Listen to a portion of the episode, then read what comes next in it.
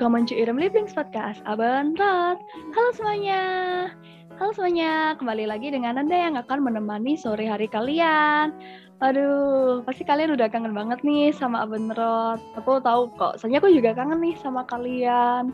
Ya ampun, kayak kapan gitu aku bakal nyapa kalian lagi gitu. Terus aku juga bakal ini uh, sharing-sharing info yang bermanfaat.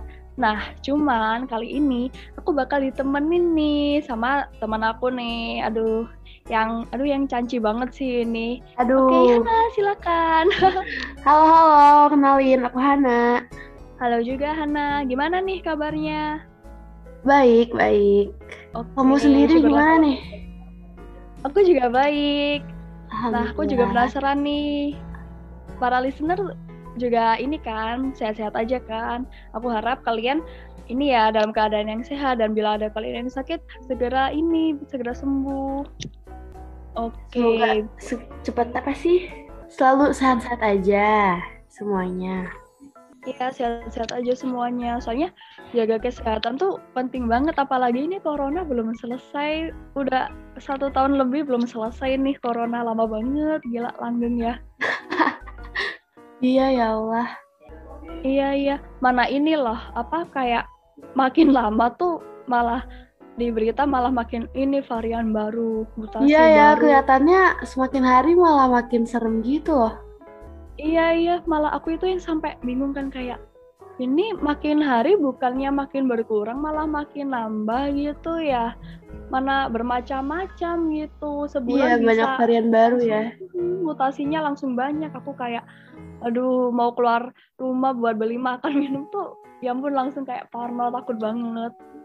Dari kita juga harus selalu jaga protokol sih. Minum-minum vitamin juga jangan lupa. Iya, iya bener banget.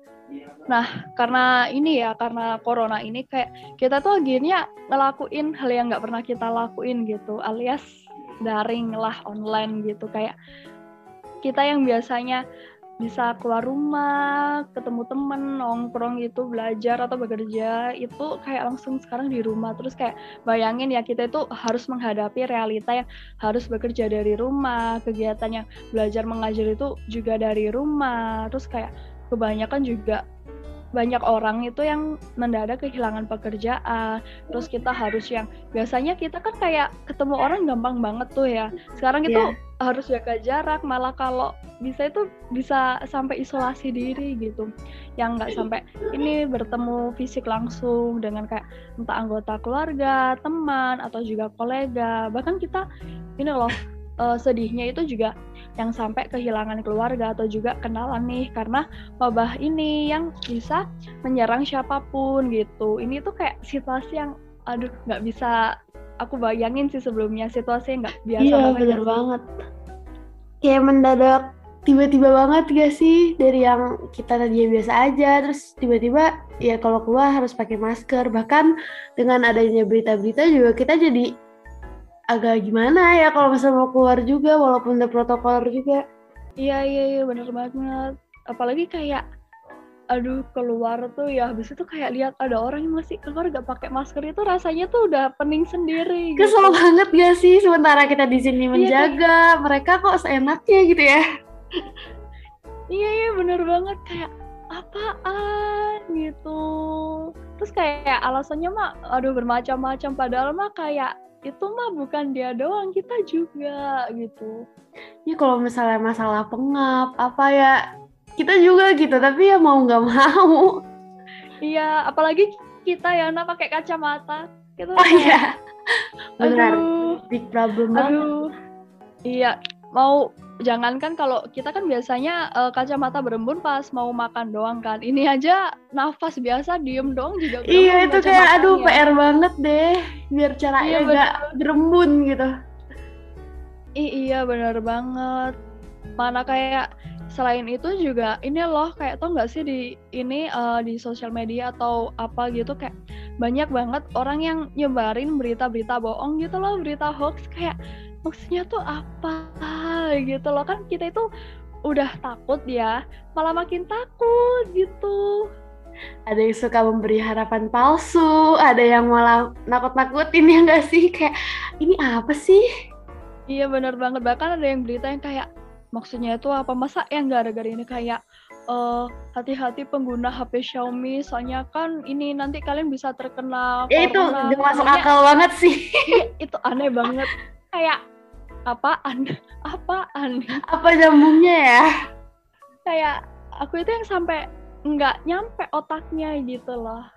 Tapi juga banyak yang percaya. Aduh sedih banget sih ini. Ini juga ini sih kayak apa uh, pelajaran juga buat kita. Itu kayak kalau misalnya ada berita itu kita itu harus cari yang ini loh yang kredibel gitu. Kayak jangan yang langsung apa ambil langsung percaya ya iya benar-benar. Apalagi hmm. masa-masa kayak gini krusial iya, banget. bener banget.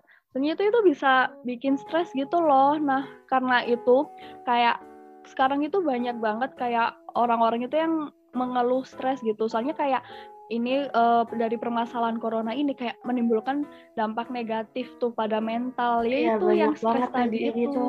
Pertama ya kita di rumah aja lama-lama bosen gak sih? Walaupun oh iya awal-awal seneng kayak ya alhamdulillah ada family time ada ini itu. Bisa melakukan hal-hal yang tadi kita nggak bisa. Cuma lama-lama apalagi ini udah setahun lebih ya kayak suntuk juga. Terus banyak yang kena PHK segala macam ya pasti itu dampak negatifnya banyak juga sih Iya iya, kayak langsung stresnya tuh numpuk banget dan tau nggak sih kalau menurut WHO nih pada tahun 2019 stres yang muncul pada masa pandemi COVID-19 ini dapat berupa yang pertama tuh ada ketakutan dan kecemasan mengenai kesehatan diri maupun kesehatan orang lain yang disayangi. Kemudian ada yang kedua nih, perubahan pola tidur dan juga perubahan pola makan. Lanjut yang ketiga, ada juga sulit tidur dan konsentrasi. Nah, keempat, memperparah kondisi fisik seseorang yang memang memiliki riwayat penyakit kronis atau juga gangguan psikologis. Nah, yang terakhir itu juga menggunakan obat-obatan atau juga bisa kita sebut drugs gitulah. Oh, parah banget ya. Namun, iya benar-benar. Hmm, di sini banyak negara yang kesulitan menangani persoalan ini. Hal itu terlihat dari minimnya anggaran yang disediakan untuk menangani masalah kesehatan mental. Umumnya, negara-negara tersebut hanya mengeluarkan kurang dari 2% dari anggaran kesehatan nasional untuk menangani masalah kesehatan mental. Padahal mental yang sehat dapat membantu meningkatkan ketahanan tubuh dari serangan virus. Dengan kata lain, mental yang terjaga akan membantu meningkatkan imun tubuh seseorang terserang suatu virus. Wow, aku baru tahu loh kalau ternyata ini uh, negara-negara itu cuman ini ya kayak mengeluarkan kurang ini 2% dari anggaran kesehatan nasional untuk menangani kesehatan mental padahal nih ya kalau uh, ini selama pandemi ini kita itu harus ini uh, menjaga kesehatan tuh double selain kesehatan ini ya uh, tubuh saja. Iya, kesehatan mental itu juga penting banget. Soalnya ya, kalau bener. mental kita drop itu bisa mempengaruhi imun juga kan. Nah, imun itu pasti nanti berhubungan nih sama yang namanya kesehatan fisik gitu. Iya benar banget, benar banget. Nah, tapi tenang aja nih, soalnya ada banyak cara yang dapat dilakukan untuk menjaga kesehatan mental. Nah, salah satunya itu yang kata orang-orang sih, ini tuh ampuh gitu, yang dan dapat dilakukan gitu, dapat dilakukan sendiri itu namanya self healing atau penyembuhan diri.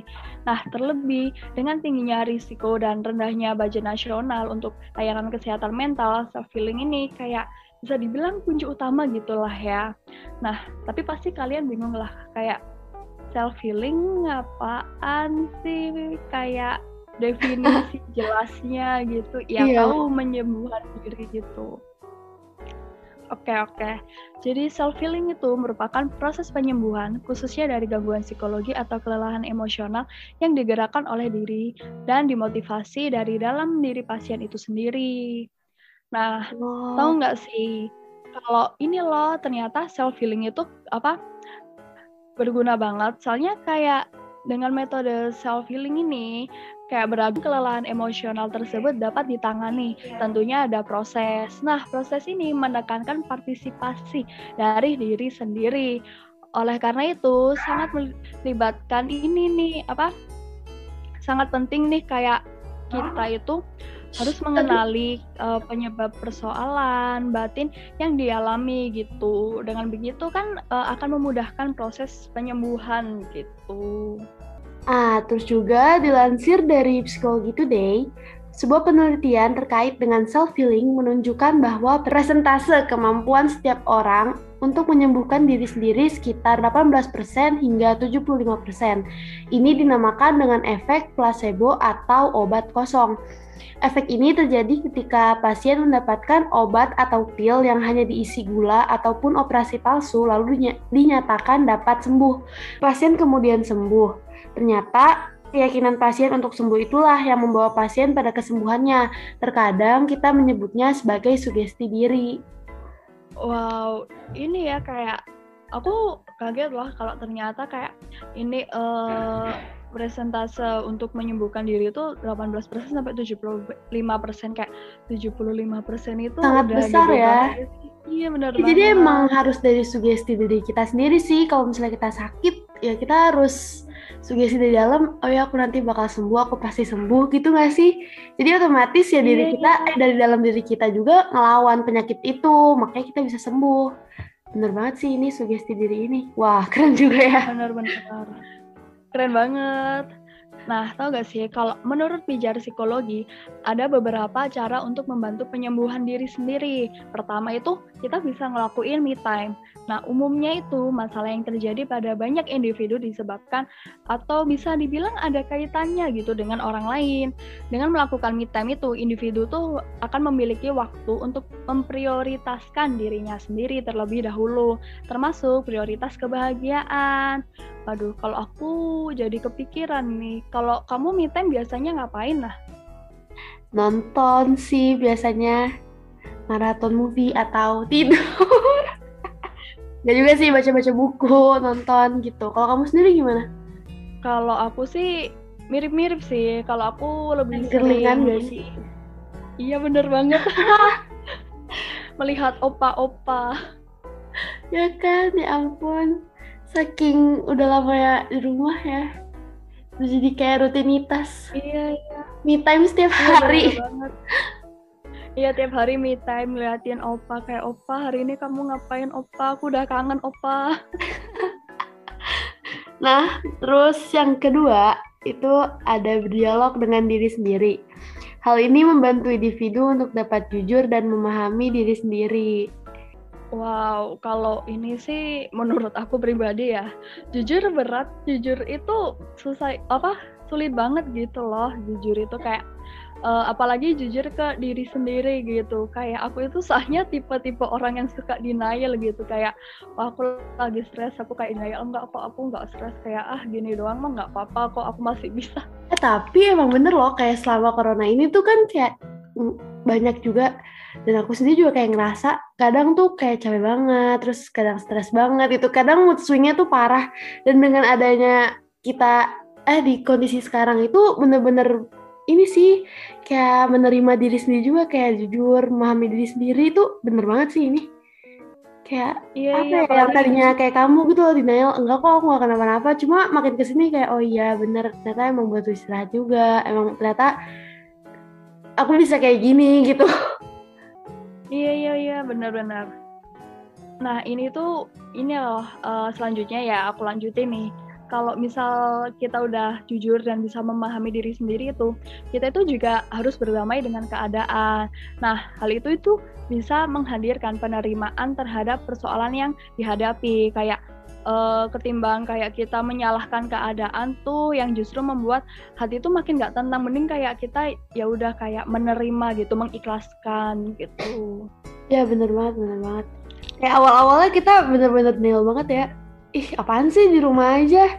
Kan sih ini virus emang ada segala macam. Cuma makin ke sini ke sini kan kayak ya udahlah mau gimana lagi?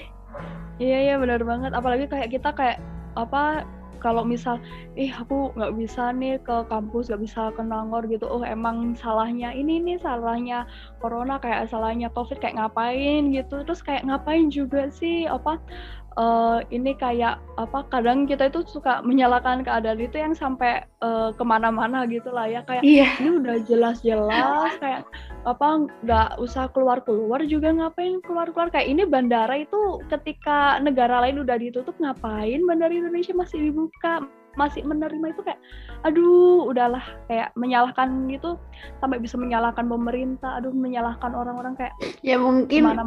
ada benernya cuma makin ke sini tuh kayak ya udahlah semakin disalahin juga percuma gitu kan iya iya soalnya juga sekarang kan kalau mau nyalahin itu juga ini loh apa uh, masalah juga nggak bakal selesai kan. Yang ada itu juga ya malah kita mah bisa stres sendiri juga malah. Iya memperburuk hmm, kesehatan kita juga kondisi kita bener, gitu. Iya jadi mah mending kayak ya udahlah ya ikhlas. Emang ada emang jalannya. perlu melewati proses kayak gini kali ya untuk mendewasakan diri kita juga gitu. Iya bener bener bener nah terus masih ada lagi nih selanjutnya itu mindfulness atau berpikir dengan kesadaran penuh. Mindfulness ini artinya berfokus terhadap diri sendiri yang menekankan fokus terhadap segala pikiran, perasaan, juga emosi yang muncul di dalam diri dan mengen dan mengenalinya secara sadar. Nah, dengan mindfulness ini kita akan betul-betul hidup pada saat ini. Jadi kita bisa menggunakan meditasi sebagai medianya. Ah, bener banget sih ini. Wow, Wah ternyata meditasi ini ya bisa sampai ini buat apa menjaga kesehatan mental. Aku baru tahu loh. Kirain oh, kamu sendiri udah pernah belum melakukan meditasi ini? Oh, belum pernah dong. meditasi aku belum pernah dong. Kayak aku kira selama ini kayak oh meditasi itu untuk kesehatan fisik gitu. Cuman efeknya itu uh, di mental itu kayak lebih tenang aja gitu. Ah ternyata bisa sampai seperti ini juga gitu. Baru tahu nih. Iya ya untuk pikiran, perasaan, emosi. Ternyata perlu iya, juga nih. Iya. Tapi emang Atau aku dengar-dengar juga banyak sih. Kayak pada masa-masa ini yang ngelakuin si meditasi ini. Mau hmm, iya, sendiri iya, pribadi bener, belum. Iya, aku jadi pengen nyoba dah. Tau gini aku nyobain meditasi aja dari dulu. Oke, aku lanjut ya. Terus kemudian ini ada yang uh, meningkatkan self compassion atau kemampuan untuk memahami keadaan emosi yang dialami. Nah, responnya terhadap penderitaan yang dihadapi dibarengi dengan keinginan untuk menolong diri sendiri nih. Melalui self compassion ini, individu dapat memaknai pengalaman yang tak menyenangkan dengan emosi yang berbeda. Hal ini akan membantu individu dalam membebaskan dirinya dalam keadaan luka yang berlarut-larut nih. Nah, jadi jika ada penyesalan, jadikan itu sebagai kekuatan, bukan untuk disesali secara terus-menerus ya, karena akan menimbulkan kecemasan dan kelelahan hati, melainkan menjadi bahan pelajaran yang dimaknai dengan sudut pandang yang berbeda sehingga bisa menjadi kekuatan. Wah, ini sih benar banget sih. Soalnya kalau kita mah nyesal tuh sampai kayak untung kalau beberapa minggu ya kadang itu sampai udah beberapa tahun itu suka masih nyesel gitu. Iya bener banget. Penyesalan tuh emang rasa yang paling harus dihindari sih sebenarnya. Iya oh, cuma kayak parah sih. Bisa parah banget efeknya. Iya benar-benar. Cuman kayak emang sih uh, yang namanya penyesalan itu sulit banget gitu lah ya untuk kayak diikhlaskan gitu. Cuman kayak kita bisa kok aku yakin kita semua pasti bisa gitu. Menjadikan kayak penyesalan ini menjadi kekuatan. Jadi dengan ini sih dengan uh, sifat optimis gitu kita bisa membuat penyesalan ini menjadi kekuatan. Iya benar, maksudnya dengan apa yang kita sesali dahulu itu jadikan dijadikan pelajaran, terus ke depannya ya kita ubah gitu. Semoga biar tidak terjadi penyesalan-penyesalan yang, yang selanjutnya. Iya tuh bener banget. Nah lanjut nih, ini yang terakhir ya, yaitu menulis ekspresif. Utarakan segala perasaan maupun emosi yang dialami melalui tulisan, tanpa perlu memperhatikan aturan kalimat maupun tata bahasa. Banyak yang percaya bahwa aktivitas menulis ini efektif untuk menyembuhkan diri dari dalam. Oh, semacam menulis diary gitu ya? Iya, iya, bener banget. Tapi ya sih, ini cara yang bisa kita uh, lakuin juga dan mungkin di, di antara semuanya mungkin yang paling mudah ya. Tinggal nulis kayak nulis diary Iya. aja gitu kayak masa kecil kita pasti ada kan yang punya kayak dear diary Iya, iya, iya. Iya, bener banget. hari ini Kayak, aku kesel "Kenapa banget atau hari ini aku bahagia banget Iya, iya bener, iya bener, bener banget kayak gitu kayak ya aku kesel banget hari ini. Terus aku kayak aku sedih karena lalala. Terus aku kayak "Oh, pas aku pulang aku seneng soalnya dapat lalala. iya kan iya bener sih ini cara yang paling mudah biar kita tuh gak memendam sendirinya ya udah kamu tulisin aja kalau kamu merasa nggak ada teman cerita tulisin deh nggak apa dear diary hari ini aku Iya. gak kenapa-napa sih diary. gitu. Eh tapi kalau dipikir-pikir ini loh apa eh, menulis ekspresif itu kayak ternyata udah kita lakuin tanpa sadar gak sih kalau ternyata itu namanya menulis ekspresif. Kita mah dulu taunya kayak menulis ya udah kayak menuangkan perasaan yang ada gitu. buku harian ya dulu kita menyebutnya buku Iya, buku harian harian. Mm. Terus kita itu kayak menceritakan sambil kayak ini kayak eh, sambil emosi apa aja sih yang kita rasakan pada hari itu. Semua kayak seneng, kaget, sedih, jengkel ah kita tuh. Sampai ini gak sih dulu dulu tuh waktu aku kecil tuh macam-macam bentuknya tuh banyak banget loh sampai ada yang digembok jujur aku punya yang digembok itu saking kayak itu rahasia banget Iya, iya. iya, iya. Bahkan ini ya di kelas aku tuh dulu itu kayak pasti ada lah ya yang satu circle itu punya dir apa dir diary. Jadi satu Diary circle itu punya diary itu iya. Mm-mm. Terus kayak apa mereka tuh bawa ke sekolah gitu. Terus kayak mereka nulis-nulis kayak aku wah mana itu juga sama-sama gembokan. Aku kayak oh my god ini fix sih ini eh, rahasia banget sih ini. Soalnya sampai ada gemboknya, oi. secret file banget ya ternyata Iya, hal-hal yang udah kita lakuin pas kecil tuh berguna juga ya sekarang Cuma jujur aku Iya, iya, untuk sekarang, sekarang belum melakukan ini sih tapi dengan diingatkan kayaknya boleh juga bercerita mengulang Iya, lagi iya. ya masa-masa Soalnya kalau- dear diary Iya. Mengulang masa-masa di diary. Soalnya kalau sekarang mah mungkin ya kayaknya mah kita itu ceritanya di sosmed gak sih? Iya bener banget. Padahal itu tuh belum tentu efektif juga nggak sih? Karena kan sosmed banyak yang lihat ya. Iya ya. Mm-mm. Terus kayak kan ceritanya kayak kita itu ingin melampiaskan kayak di sosmed gitu kan. Terus nanti itu malah ada yang balas kayak eh apaan sih caper.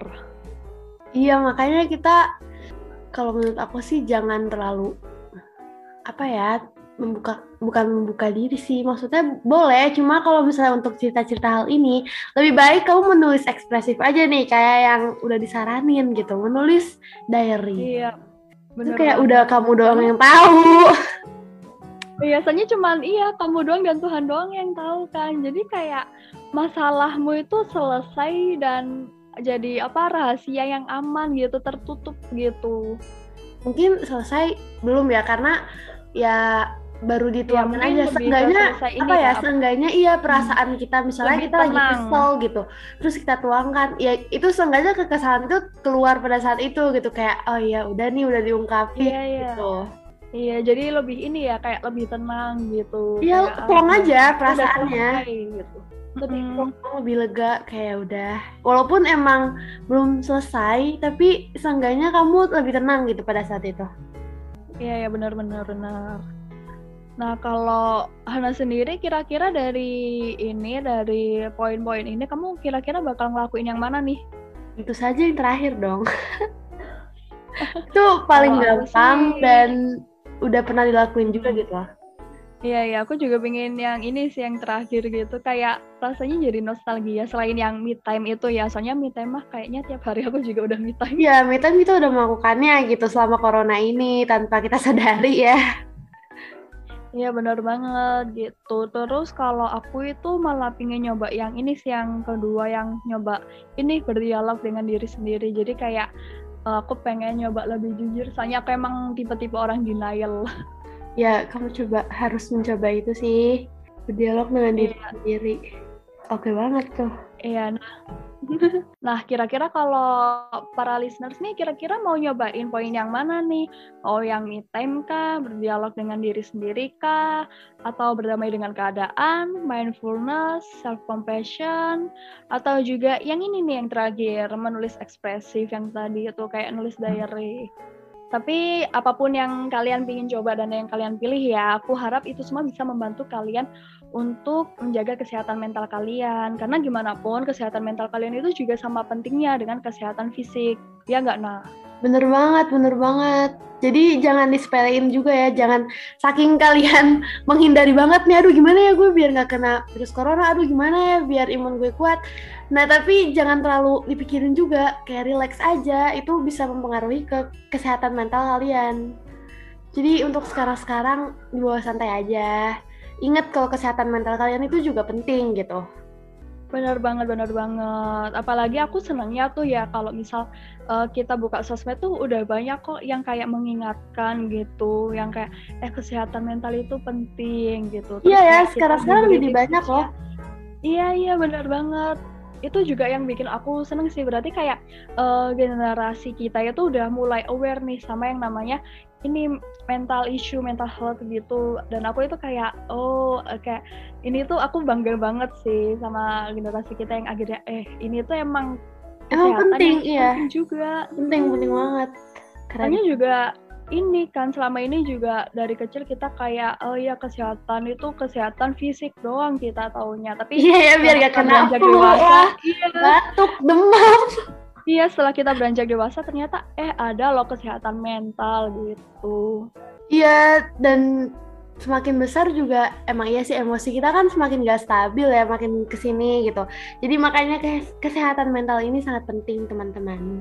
Oke deh, tak terasa ya udah jam segini nih waktunya cepet banget nih.